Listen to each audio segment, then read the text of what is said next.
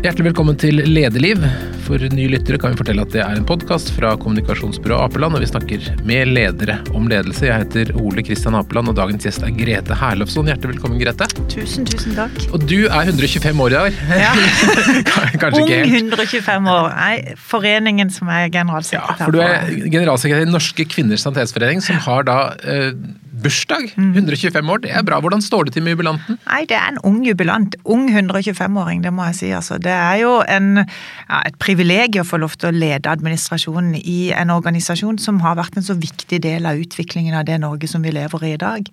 Og som har greid, selv om det ble etablert som en kvinneorganisasjon for 125 år siden, når kvinners rolle i samfunnet var en helt annen enn det han er i dag, har greid liksom å snu seg og modernisere seg med de ulike tiårene som han har vært eksistert i og som nå vokser som organisasjon og går inn på nye områder. Så det er en gøyal organisasjon å få lov til å være en del av. Og hvor mange medlemmer og mange lokallag har dere i jubileumsåret? Nå har vi over 40 000 medlemmer og ca. 600 lokalforeninger over hele landet.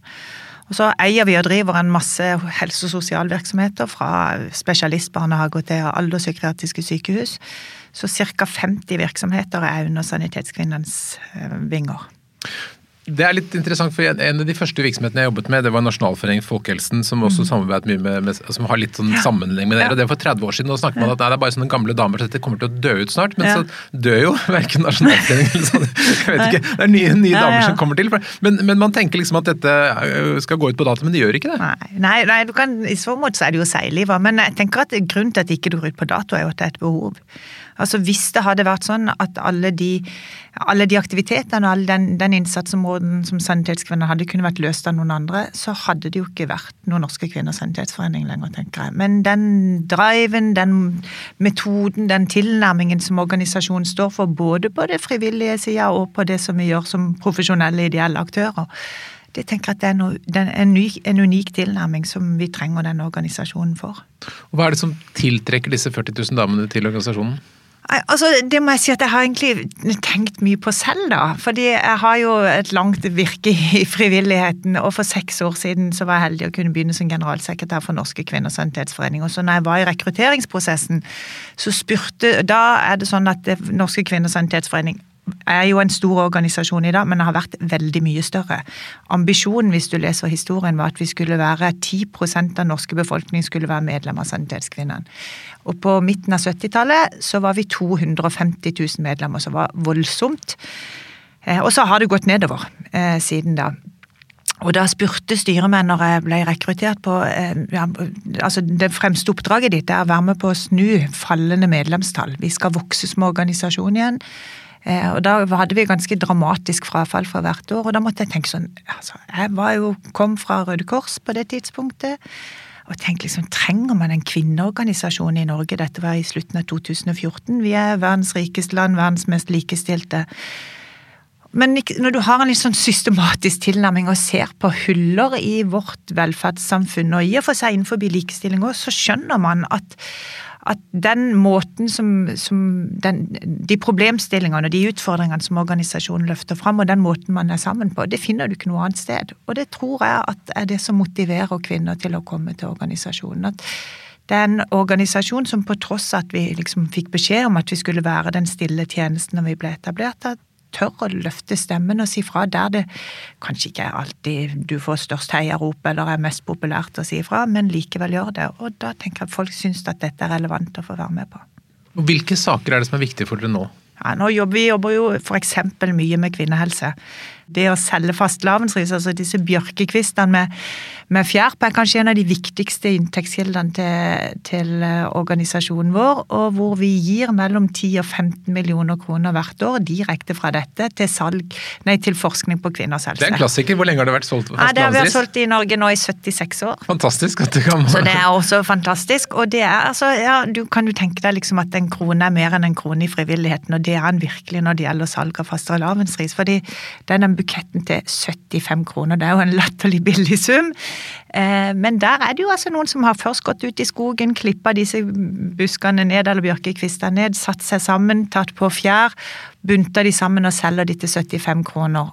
30 000 av de buntene blir ett forskningsløp. Det er ganske rørende. Ja, ja det er det, altså. Og, og, og, hva slags saker er det da vil ha forskning på? Nei, Vi vil ha for, på kvinners helse generelt, og da ikke bare det som vi kaller bikinimedisin, som er altså reproduktive organer, men f.eks. kvinnehjertet, da, som vi vet at reagerer helt annen, annerledes enn menns hjerte på et hjerteinfarkt, og at symptomene er helt ulike. Og så er vi et land i Norge som er langt framme når det gjelder hjerte-kar-forskning. Og vi har masse kompetanse og bruker masse ressurser på det. Men all den forskningen, eller mesteparten av forskningen, har vært gjort på menn. Og både utredning og behandling og rehabilitering er tilpassa et mannlig hjerteinfarkt eller mannlig hjertesykdom, og ikke en kvinnelig hjertesykdom. Så da mener vi at vi skal ha likeverdige helsetjenester i Norge, og da må vi også vite hvordan reagerer et kvinnehjerte på et infarkt, f.eks. Så dette, ja nå, Er det andre, andre, saker?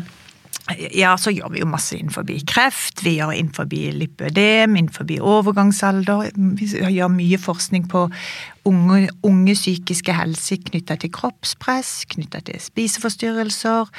Vi har gjort mye forskning innenfor idretten og jenter i toppidrett eller i breddeidrett, og de, eh, hvilket forhold de har til egen kropp, f.eks. Så eh, ja, det er egentlig bredt i forhold til der det er kunnskapshull på kvinnehelse. Vi lagde en rapport i 2018 sammen med Kilden kjønnsforskning, hvor vi gikk systematisk gjennom all forskning som fantes, og så fant vi seks områder hvor det er store forskningshull knyttet til kvinnehelse, og så prioriterer vi innenfor de områdene. Det er fascinerende, for man tenker jo at mm, likestillingen er kommet veldig langt, at det meste begynner å jevne seg, men det er faktisk en del hull fortsatt å ta tak i. Absolutt. Og er faktisk, der er det jo sånn at det er ikke bare vi som sier det, regjeringen sier det jo også. De har liksom lagd seks løfter for bedre kvinnehelse og prioriterer, og det Forskningsrådet sier jo at i år så var det den eneste øremerkingen de fikk hvor de fikk en økning, så var det fem millioner. Vel, veldig lite. Altså vi gir 25-30 millioner i år, og de gir fem.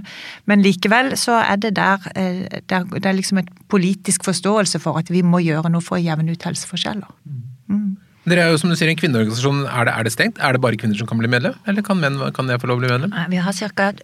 2% av medlemsmassen er menn. Ja. Så det er en eksklusiv gjeng med menn som er medlemmer. Mye av mennene som er medlemmer er jo enten noen som kjenner noen som er aktive, men så har vi mye helsepersonell som er medlemmer. Fordi ja, mange har jo fått finansiert doktorgraden sin gjennom dette, eller ser hvor viktig den innsatsen som blir gjort i forhold til helsevesenet er. Sånn at vi har mye mannlige eh, helsemedlemmer, eller mm. helsepersonell som er medlemmer. Og hvordan ser eh, aktiviteten i et lokallag ut? Altså hvordan mm. drives det? Ja, De drives helt selvstendig som en selvstendig frivillig organisasjon. Med medlemmer danner et styre, setter sammen styret med de ulike funksjonene et styre skal ha, og så driver de frivillige aktiviteter. Og da har vi eh, fra sekretariatets side eller administrasjonens side har vi utvikla det vi kaller basisaktiviteter. Men det bare betyr at det finnes syv ulike aktiviteter som ser helt like ut over hele Norge. Som de kan plukke og bruke, eller så danner de sine egne aktiviteter litt ut ifra de lokale behovene. Mm. Og nå når du har holdt på i seks år, hva tenker du om medlemsvekst? Er det, er det håp? Kommer du til å bli prosent av befolkningen? ja, eller 10%? Ja, det, altså, vi, det er jo for å si det sånn, Den der fine pandemien vi står midt oppi, den, jo, tok jo kraftig for seg hos oss også. Vi gjorde jo veldig mye mer og annen aktivitet, og gjør faktisk mer og annen aktivitet enda knytta til pandemien og isolasjon og smittevern og dette. Men det er klart at den rekrutteringen som vi er så avhengig av Vi er jo en organisasjon med en voksen medlemsmasse. Selv om uh, gjennomsnittsalderen går ned, så er mange av våre medlemmer godt voksne. Så vi må fylle på hele tida for å opprettholde det nivået. Så i fjor greide vi jo ikke å fylle på på samme måte som det vi har gjort de andre åra. Så i fjor gikk vi litt ned, men bortsett fra det så har vi greid å opprettholde og vokse litt. Og bare for at vi skal opprettholde og vokse litt, så må vi rekruttere ca. 3500 nye medlemmer hvert år, fordi det er frafall. Men Nå snakker man ofte litt sånn negativt om bare gamle mennesker, men det er jo mm. enorm ressurs som ligger i, i pensjonistkorpset vårt? Absolutt, og jeg tenker altså eh, For det første så er det en enorm ressurs, og så er det jo også folkehelse i seg selv. Å komme ut, treffe de du er i forening sammen med, vite at du skal på det møtet. Du kommer dit, du forbereder deg, du lærer noe nytt når du er der, du sosialiserer deg. Du har innhold i livet ditt, du opplever mestring. Så ja, både så er organisasjonen en idé i seg selv og for medlemmene, og så gjør den godt for andre. Så ja, det er en enorm ressurs. Og vi mm. ser jo også at de nye medlemmene som vi rekrutterer, der har vi en gjennomsnittsalder på er det 52-53 år. Og det er kvinner i hovedsak som er ferdig med å kjøre og hente i korps, kor, turn, trim, og tenker at nå kan jeg bestemme litt selv hva jeg vil bruke fritida mi på. Og så gjør de dette sammen med andre. Og det er kanskje en aktivitet som ikke krever all verden? Ja, ja. Og du kan være med så mye eller lite du vil. Altså, det er klart at noen blir jo med har sånn som noen blir i idretten og andre steder, Ja. og, og bruker livet sitt i dette.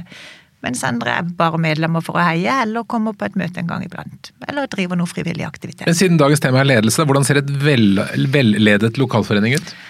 Det, det som er veldig viktig, er at det er et mangfold i styret. Eh, Og jeg tenker egentlig at den diskusjonen vi har både i næringslivet og i, offentlig sektor, og, i, på, og det å sette sammen og rekruttere mangfold, det ser vi i frivilligheten veldig tydelig. Altså Hvis folk kjenner hverandre for godt og er for like, så blir det ja, de får liksom ikke mangfoldigheten til å, å blomstre, og får heller ikke aktiviteter eller blir en attraktiv arena lov til å være med på. Så det at det er mangfold i styret, at folk gjerne kjenner hverandre, men ikke kjenner hverandre for godt. Du skal ikke ha mor og datter og kusine og niese i i samme styre. Og så at de har litt ulik kompetanse. Vi ser i mye større grad at folk, det de er gode på i det private, det vil de også bruke i, eh, i, i styret, eller bruke seg selv inn i frivilligheten. Sånn at, eh, tilrettelegge for at folk kan bruke seg der de er gode. Hvor gamle er de eldste medlemmene?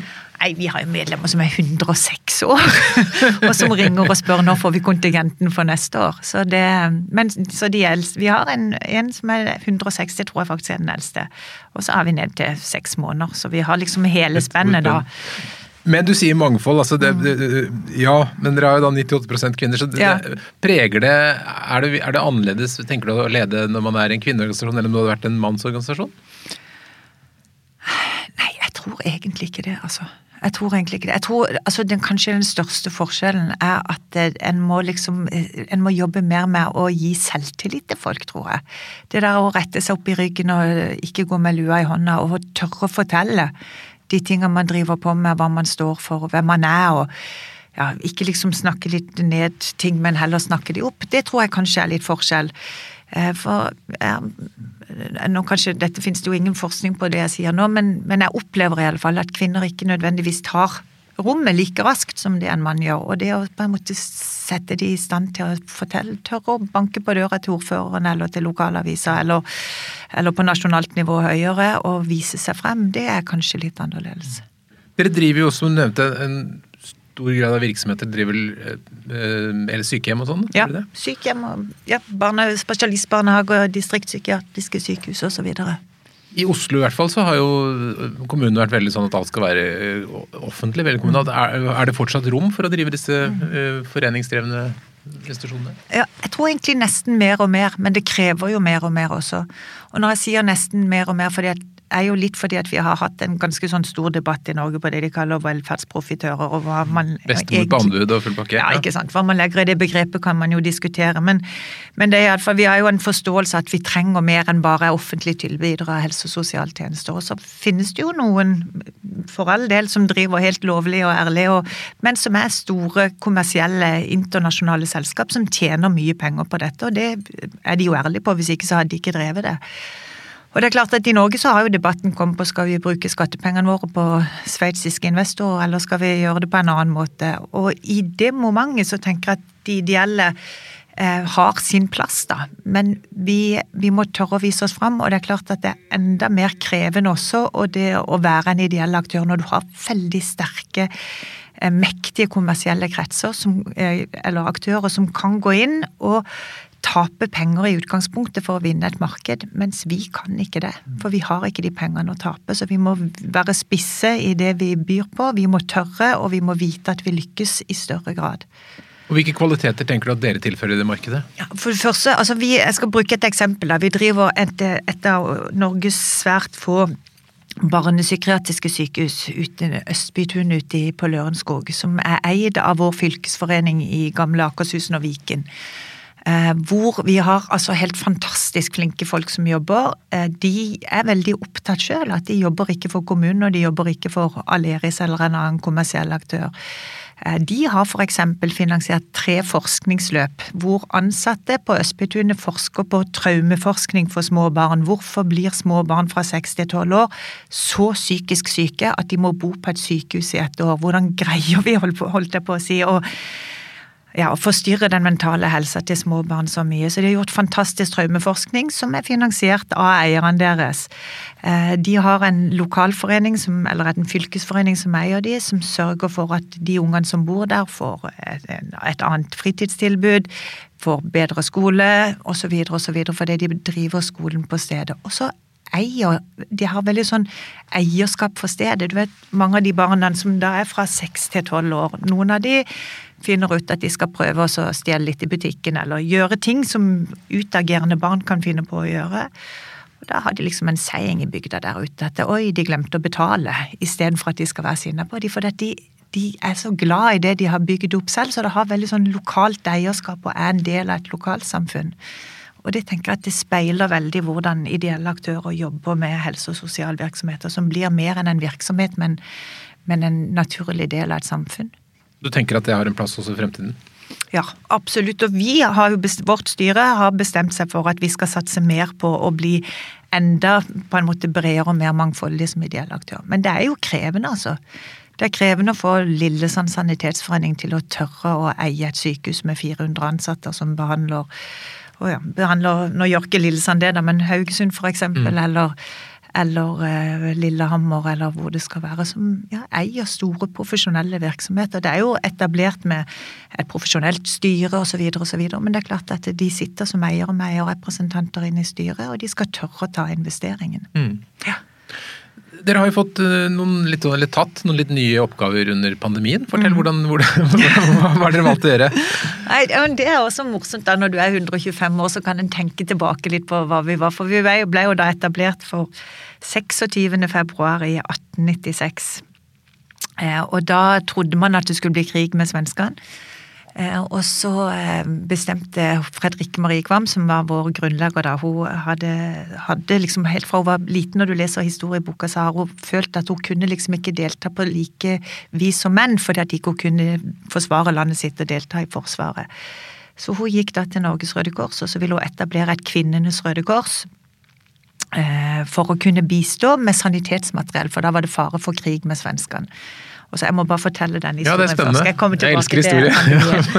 og så gikk hun da eh, til eh, Røde, til Røde Kors. Det var på det tidspunktet en liten organisasjon i Norge. De var etablert i 1865 og var ca. 1500 medlemmer i Norge. Og så gikk hun bare menn i styret. Og Så gikk Fredrik Marie Kvam da inn i styret i Røde Kors og så sa hun at hun kunne tenke seg å etablere et kvinnenes Røde Kors som skulle bistå med sanitetsmateriell i tilfelle krig med svenskene. Og det syntes jo de mennene i Røde Kors hørtes fint ut. Og Fredrikke var da gift med Norges statsminister, hadde et voldsomt mektig nettverk rundt seg, og så sa hun jeg skal trekke med meg masse mektige kvinner. Det syntes de jo var enda bedre. Og så sa hun i 1896 Kvinner hadde ikke stemmerett i Norge. Da sa hun men eh, hvis jeg skal gjøre det, så vil jeg ha en plass i styret. Og så sa de mennene i Røde Kors at men det går ikke, for vi har ikke kvinner i styret i Røde Kors. Og det er en så, helt sånn gåsehud å tenke på. Da gikk det altså 100 kvinner ned i kjelleren på det som vi kjenner som Jakobs kirke i Hausmanns gate her i Oslo. De gikk inn og trodde de skulle etablere et kvinnenes Røde Kors, og så kom de ut, og så var Norske Kvinners Sanitetsforening etablert. Ja. Og Grunnen til at jeg trakk den lange historien, da, var at det, så ble det jo ikke noe krig med svenskene. Det ble jo en fredelig unionsoppløsning. Men det de da gikk til krig med, mot, det var mot tuberkulosen. ikke sant? Så da begynte de med folkehelsesykdommer og etablerte tuberkulosesykehus. Men også et stort arbeid knyttet til opplysning for å forhindre smitte. Og de bidro med smittevernsutstyr. Og så gjør vi akkurat det samme nå. På litt annen måte, altså fordi at Norge er et litt annet samfunn, eller et veldig annet samfunn enn det det var på 125 år siden. Men det vi har gjort det siste året, at vi har bidratt med masse opplysning om hvordan du kan forhindre smitte. Vi har, bidratt med å produsere smittevernutstyr. Vi har bidratt til å besøke eller sørge for livsinnhold og aktivitet for eldre som er særlig, eller andre som er isolert pga. smittevernhensyn.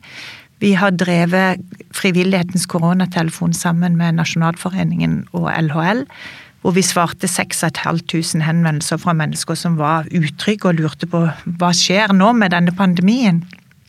Eh, og vi har bistått på institusjoner for å sikre at eldre som bor på sykehjem kan få besøk av sine osv. osv. Og så har vi fått til et fint samarbeid med næringslivet. Vi har fin, eh, et fint samarbeid med Orkla, som gir oss både penger og produkter, sånn at vi kan gi oppmuntrings, oppmuntringspakker, rett og slett store produktpakker til mennesker som er særlig berørt av pandemien. Det kan være pga. økonomi fordi du mister jobben eller andre ting faller bort rundt det. Fantastisk. Ja, det er det, altså. Det er jo, men det, det, er jo fascinerende hvordan dere da kan gå tilbake nærmest til ting dere gjorde for 100 år siden, og som blir aktuelt igjen. Jeg husker jeg hadde ja. sånn bokmerke fra Nasjonalforeningen fra 19 ja. tidlig hvor det var sånn ja. Slikk ikke på fingrene ja, når du leser en bok. Spytt ikke på gulvet. Det er ikke så aktuelt nå. Host i albuen. Det er akkurat det samme. Host i albuen. Bruk wear a mask, så jeg at det var det første hadde Fredrik Marie Kvam hadde importert det fra USA hvordan man skulle jobbe med det. Det var det første det sto wear a mask. Fascinerende.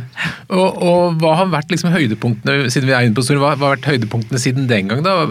Andre ting som foreningen har gjort på de 125 årene? Ja, for, altså, Vi etablerte jo først tuberkulosesykehus, men så tenker jeg kanskje det vi var aller mest kjent for, det er å etablere helsestasjon. Altså foreløperen til mm. helsestasjon. Dette kontrollstasjon for mor og barn i 1914 som ble en lovpålagt tjeneste for, for alle i, på midten av 70-tallet. Men fra 1914 fram til midten av 70-tallet så drev Sanitetskvinnene helsestasjon.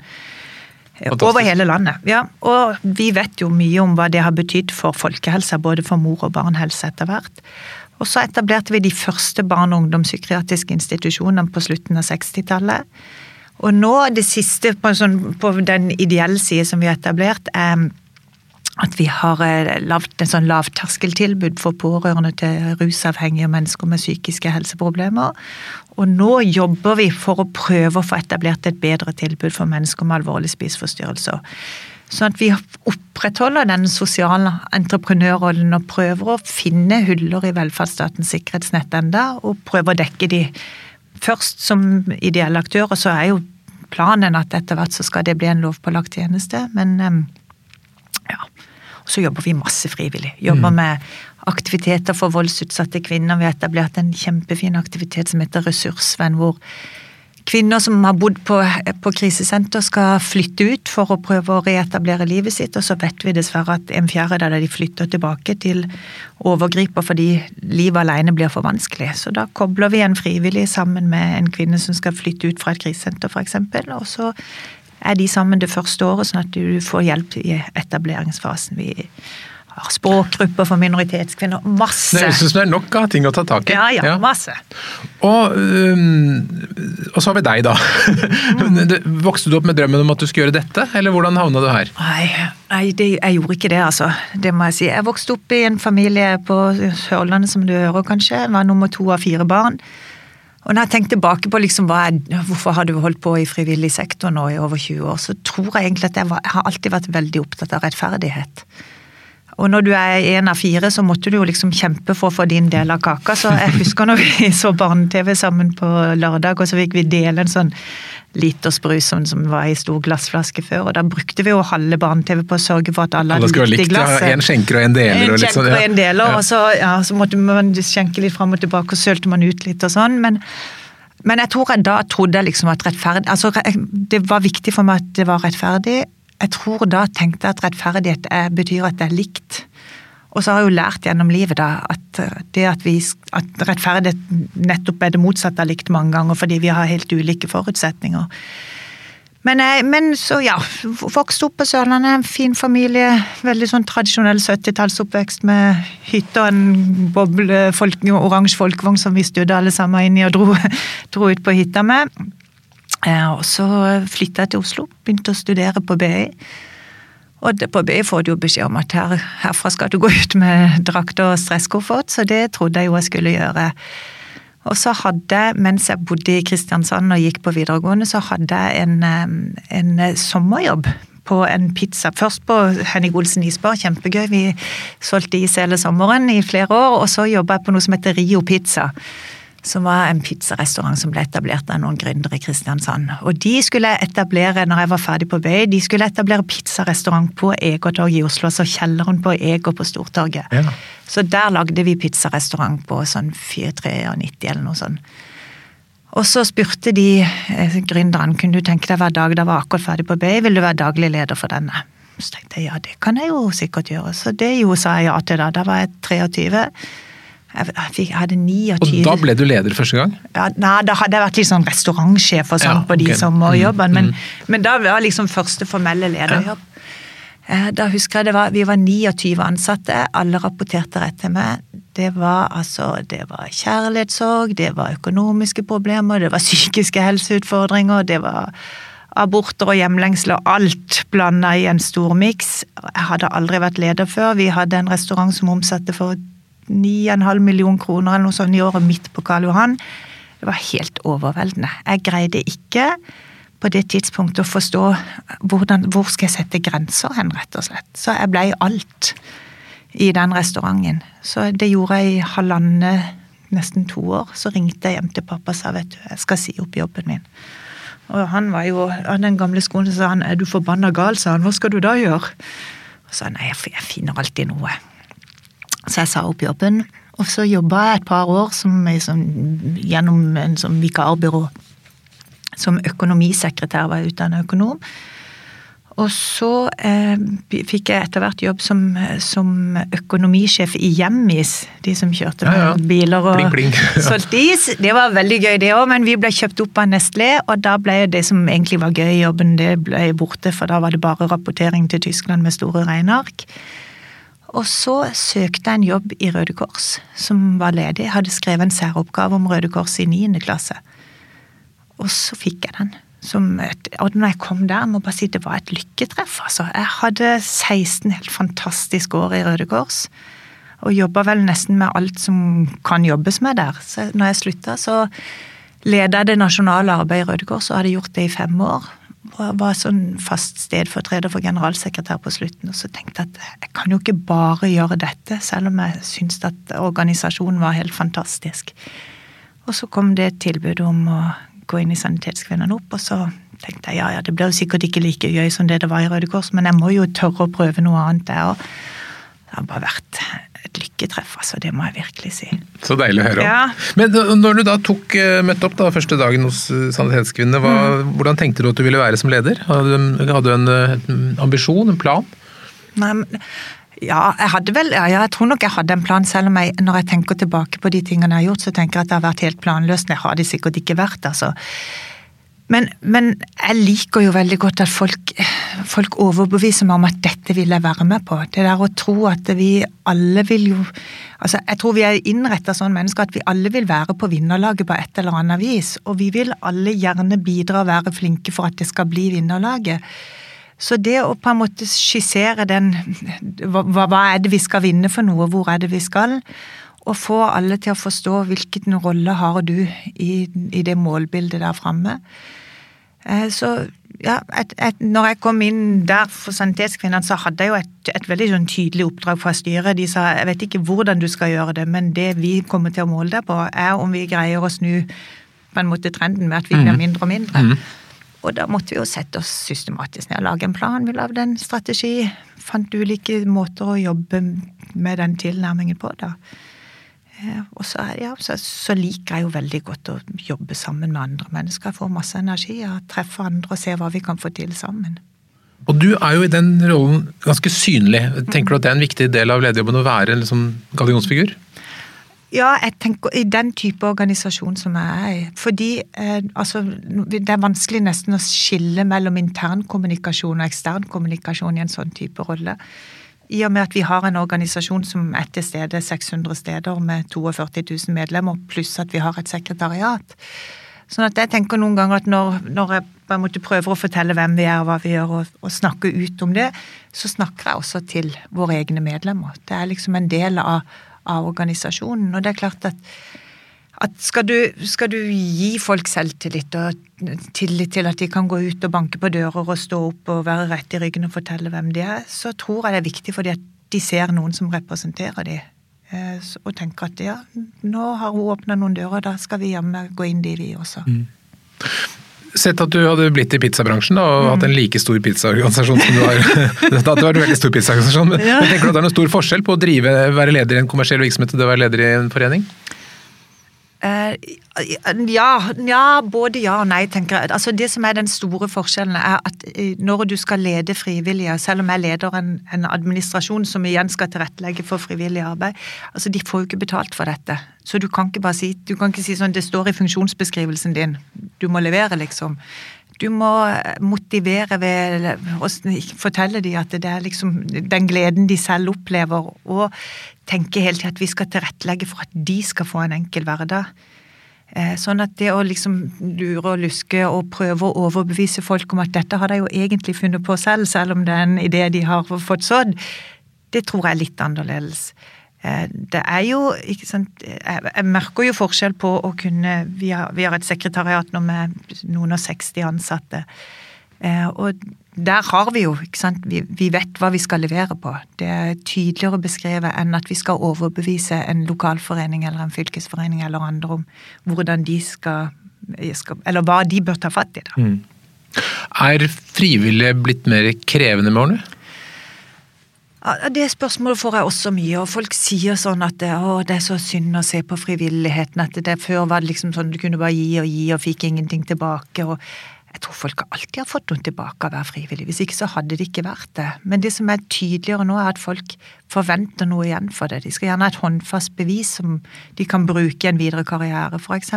Og de er tydelige på at det jeg kan fra før av, det vil jeg gjerne ta med meg inn i den organisasjonen som jeg velger å bruke tid i. Så det er på en måte litt mer på individets premisser? Ja, det kan man si. Eh, det kan man si, absolutt. Og så forventer de nok et, et frivillig, altså mer en form for profesjonalitet fra administrasjonens side. Altså, det, Du blir ikke frivillig fordi du har så lyst til å rapportere på penger eller skrive søknader. Du blir frivillig fordi du har lyst til å gjøre noe for andre. Mm. Men Hvilke sider ved deg selv er det du føler at du bruker for å lykkes? Hvorfor, hvorfor lykkes du? Altså, jeg tror egentlig at jeg er ganske flink til å få folk med meg. Eh, at det at vi har Altså å, å, kunne snakke med folk og fortelle dem hvor vi skal, selge en idé, få folk med på laget, få, få de tent på ideen. Jeg tror jeg er ganske flink til å engasjere folk, da. Mm. Så jeg må si at jeg syns jo akkurat den perioden vi har vært igjennom med hjemmekontor og at ikke vi ser hverandre og sånn, jeg syns det er ganske krevende som leder. Fordi um, ja, jeg, jeg, føler meg mye tryggere når jeg kan se folk i øynene og føle liksom at du får du, De kan liksom bruke kroppsspråk og vise at de er med, eller vise at de ikke er med, hvis de, selv om ikke de sier ifra. Men det å skulle liksom sitte og nesten drive radiokanal hjemme fra hjemmekontoret, det er krevende noen ganger, syns jeg. Altså. Men litt gøy òg? Ja, litt gøy òg. For du, du kan liksom, det er jo enklere å tilrettelegge, og du kan nå flere på samme tid. Og du må bruke andre sider av deg selv. Men, men, ja, men jeg liker liksom å stå foran folk og prate med dem og få tilbakemelding, og at vi lager noe sammen, da. Mm. Er det noen opplevelser annet enn pizzarestauranter som du tenker har formet ditt lederskap spesielt? Ja, altså jeg tenker at jeg har truffet utrolig flinke folk på veien som har eh, hjulpet meg fram og trodd på meg. Eh, jeg var jo altså ganske beskjeden og forsiktig. Jeg syntes det var kjempeskummelt å stå foran forsamlinger og snakke. og jeg tenkte liksom alltid at jeg, jeg var sånn halvveis flink på skolen helt til en lærer så meg på videregående sa men dette kan du jo, så plutselig fikk jeg litt selvtillit på det.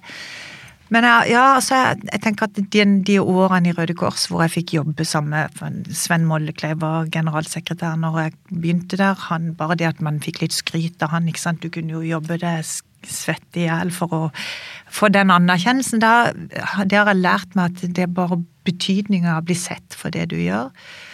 Jeg satt i styret i Røde Kors som ansattes representant, og Thorvald Stoltenberg var styreleder. ikke sant? Og han, han syntes min stemme var akkurat like viktig som visepresidenten sin. Jeg syntes det var helt fantastisk. At, ja, Den der eh, måten som, som folk blir anerkjent på. Og så tror jeg jeg har lært meg også at ting er ikke så vanskelig, altså. Eh, nesten sånn at jeg kan bli litt for begeistra noen ganger. At jeg må ta meg sjøl i at jeg tenker at nå har de har mer enn nok å gjøre nå, du behøver ikke begynne med dette også. Men vi har, i Røde Kors-tida så skapte vi noen kjempefine ting. Vi lagde helsesenter for, papir, for papirløse migranter, f.eks. Vi lagde overnattingstilbud for fattige tilreisende. Ja, vi har etablert nye aktiviteter i Sanitetskvinner nå med møte med voldsutsatte kvinner, f.eks. Ting som gjelder aktiviteter hvor vi hjelper unge jenter med, med deres eh, psykisk, psykiske helse osv. Så mm. sånn og vi får det jo til. Men det er interessant det du sier med kvinner. Vi deltok i en diskusjon på denne nye Clubhouse-appen forleden som Medie24 hadde om, om, det å få kvinner frem i media. Ja. Eh, hvor jo mange eh, journalister sliter med å få nok kvinner. Og vi merker jo det, selv om journalister og, og aviser gjerne vil ha kvinner, så vil ofte kvinner ikke stille på. Og Ellen som booker gjester til Lederliv her, mm. sier også det at eh, når man hender seg til en mann, så er det stort sett ja med en gang, mens på kvinnene så er det mye mer Nå tror jeg ikke måtte spørre deg så mange ganger, men, men, mange liksom Mye tyngre å få kvinner til å stille opp. og det er ganske fascinerende, for kvinner er jo så dyktige på alle mulige måter, og, men akkurat der så er det et eller annet som gjør at kvinner ikke vil Er det bare fordi kvinner er smartere enn menn, eller hva, hva er liksom grunnen, tror du? Hvorfor er det sånn? Jeg, men, skal være helt ærlig, jeg syns det er vanskelig å forstå selv. Men jeg tok meg det, Vi hadde en eh, sak her før jul som eh, vi har eh, Det har vært ute, dette er litt teknisk men det har vært ute på høring en ny lov om voldsoffererstatning. Hvor regjeringen foreslår at den skal endres på, den erstatningsordningen. Noe som vil gå utover særlig voldsutsatte kvinner. Så skrev jeg en kronikk om det, og så, eh, og så, ringer Dagsnytt 18, og så sier de sånn at vi kunne godt tenke oss å ta denne saken. Og vi prøver å få enten stats, justisministeren eller statssekretæren i studio. Og det er ikke i Dagsnytt 18 hver dag, men jeg har gjort det noen ganger, så jeg, jeg vet hva det er, og det går fint.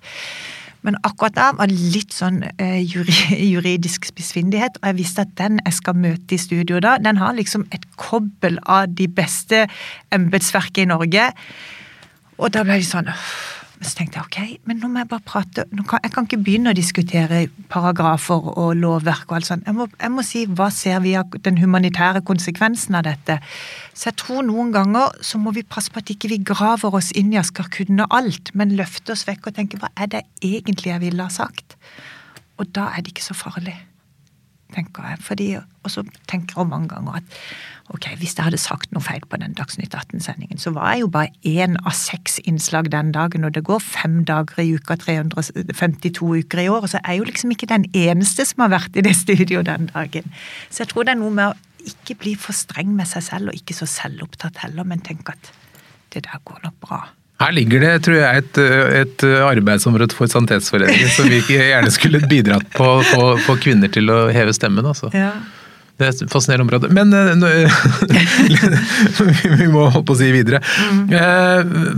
Hva, har, du, har, du, gjort noen feil underveis som du tenker du har lært av? Ja, mange ganger. Har du lyst altså, til å dele en? Ja, ja, altså jeg tror jo noen ganger at jeg tenker for lett at dette kan vi også gjøre. Eh, og det er jo bare å gjøre sånn og sånn. Og så aner jeg ikke alltid helt konsekvensene av hva jeg har satt i gang. At det kan bli mye mer omfattende og beskrevende enn det jeg hadde trodd. Og at du møter på ting som underveis som bare Å ja, dette burde vi jo egentlig ha gått litt grundigere inn i forkant.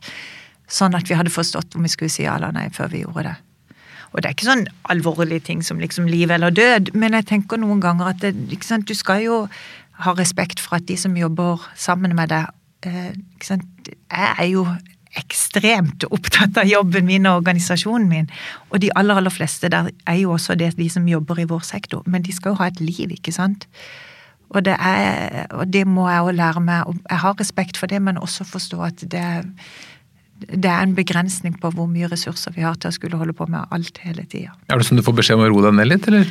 Ja, jeg gjør jo det, og så må vi ta dette nå, sier de da. Og så må jeg ha lært meg til at jeg skal si at, eh, at jeg, nå tenker jeg bare høyt. Jeg har ikke bestemt meg. Og det tror jeg, når jeg jobba i Røde Kors, så gikk jeg jo fra og ikke ha en lederstilling til men sånn mellomlederstilling og så avdelingslederstilling. Og så, så du ble liksom profet i eget land, da. Og det å eh, Jeg tror det tok litt tid før jeg oppfatta at folk så annerledes på meg selv om jeg var leder, mm. enn det de hadde gjort når ikke jeg var det.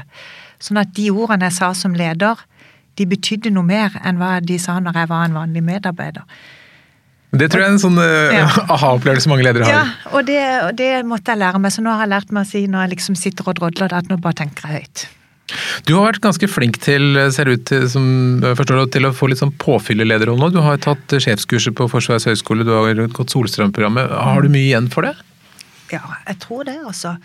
Det er to vidt forskjellige program, da. Eh, og det er jo et privilegium å få lov til å være med på de programmene, det må jeg si. Altså, du blir jo tilrettelagt for å få faglig påfyll. Forsvarshøgskole, der får du jo en fantastisk eh, sånn komprimert innføring i det norske samfunnet, hvordan vi fungerer. og og treffer de flinkeste og fineste folka som holder foredrag. Solstrandprogrammet er et slit, syns jeg. altså. Mm. Eller det var et slit. Eh, jeg, jeg, tenkte at dette blir jo kjempegøy, vi skal bo ute på, på Solstrand hotell i 14 dager ja, og liksom være sammen og ha det gøy. Og det hadde vi òg. Men det var fryktelig slitsomt å gå så dypt inn i seg sjøl. Prøve å forstå hvem jeg er i forhold til andre. Hvorfor reagerer jeg som jeg gjør? å komme i faser, rett og slett, hvor du følte deg nesten litt sånn hudløs og identitetsløs som voksent menneske. Det var veldig annerledes, altså.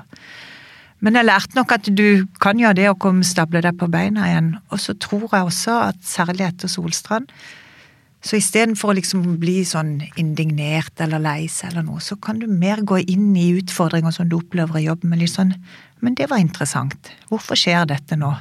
og heller se det litt utenfra enn å gå på en måte rett inn i, i kroppen på det med en gang. Jeg vet jo hva du mener, jeg har gått det selv. Ja. Syns ikke du det var slitsomt? Ja, jeg anbefaler det absolutt til ja. alle lyttere. Hvis man får muligheten, så er det fantastisk. Men, men føler du at uh, du har forandret deg mye de årene når du har vært, altså de siste seks årene, da, når du har vært på toppen i, og liksom, vært sjefen? Har du forandret deg mye på de årene? Jeg har nok forandret meg. Jeg har blitt mer modig. Definitivt, altså. Og jeg har også Eh, det må jeg si at etter hvert når du, når du, har vært i en rolle noen år, så blir du jo ganske trygg i den rollen. Så jeg har blitt ganske ydmyk for at den der mellomlederrollen kan være vel så krevende som topplederrollen, altså. Eh, fordi de på en måte står mye mer i et spenn eh, enn du gjør som toppleder. Hvis du på en måte har ressurser rundt deg kan håndtere. Og så er det jo litt sånn at du er jo en privilegert, privilegert situasjon når du sitter i en topplederstilling, for da kan du jo styre ting litt mer selv enn at det er andre som styrer på vegne av det. Så det har jeg nok lært. Også, ja, også, men det er jo utrolig gøy å få lov til å være toppleder. Det er jo fantastisk. Altså, det er jo, jeg er jo bare et, et, en heldig frontfigur for noe som skjer i en stor organisasjon. Men man får jo lov til å sette fotavtrykk og bidra til prioriteringer. og ja, Det er gøy. Eh, helt til slutt, hvis du skulle gi tre råd til en ung leder. Si, si at du traff deg selv som da ung pizzaleder. ja. Hvis du møtte ja. pizzasjef Grete her nå og skulle ja. gi tre gode ledere, og hva ville det være? Et, nummer én, sett grenser, tenker jeg. altså. Bestem deg for hvem du vil være. Eh, og så tenk at du, du, altså du blir ikke noe bedre av jo flere timer du gir, men du må sette, lage deg et, et, et, mål, et målbilde på hva du vil med dette. Og så tror jeg du må tenke, sette grenser og tenke hvorfor skal folk lede seg med? Hva er det, Hvilken tanke er det jeg skal så i de som gjør at de har lyst til å gå, gå med meg den veien jeg mener at vi skal gå, da? Eh, så um, og så tenker jeg altså, Nå sa jeg litt at jeg har lært litt at det er litt lett å begeistre, men det er jo også sånn at ting er ikke så utrolig vanskelig. Så hvis du bare går inn med den tilnærmingen til at det, dette det løser seg, og den siste tingen er at jeg tror vi skal prøve hele tida å tillegge at alle vil være flinke og bidra. Sånn at det, man opplever jo noen krevende utfordringer som leder, men da hvis du greier å tenke at ja ja, men i utgangspunktet så ville vi jo at dette skulle gå bra sammen, så ja, så finner han en bedre måte å komme ut av utfordringer på. Nå er det midt i 125-årsfeiringen. Hvis du får eh, det som du vil og setter de riktige sporene, sånn, hvordan ser foreningen ut om, på 150-årsdagen? Ja, nei, da tenker jeg at det er, en enda, det er en enda større forening enn det det er i dag. Det er ikke sikkert det er flere lokalforeninger, fordi det er ganske krevende, og det krever mye ressurser å drive en lokalforening. Så kanskje er det færre lokalforeninger, men større. Eh, jeg tror vi er en bredere ideell aktør, og så tenker jeg også at vi fortsatt kommer til å kunne sette likestillingssaker på agendaen, selv om det er 25 år til. Eh, og da skulle jeg jo nesten tenke at vi skulle ønske at vi ikke fantes, at ikke vi trengtes. Men jeg tror alltid at likestilling er ikke kommet for å bli. Det er noe man skal passe på fra dag til dag. Og eh, da trenger man en organisasjon som monitorerer det. Så legger vi til et ønske om at alle kvinner som blir spurt om å stille opp, må si ja med en gang. Ja, det må de. Absolutt. Det er bare gøy. Grete Herlofsen, tusen takk for at du kom til Lederliv. Å, takk for at jeg fikk komme.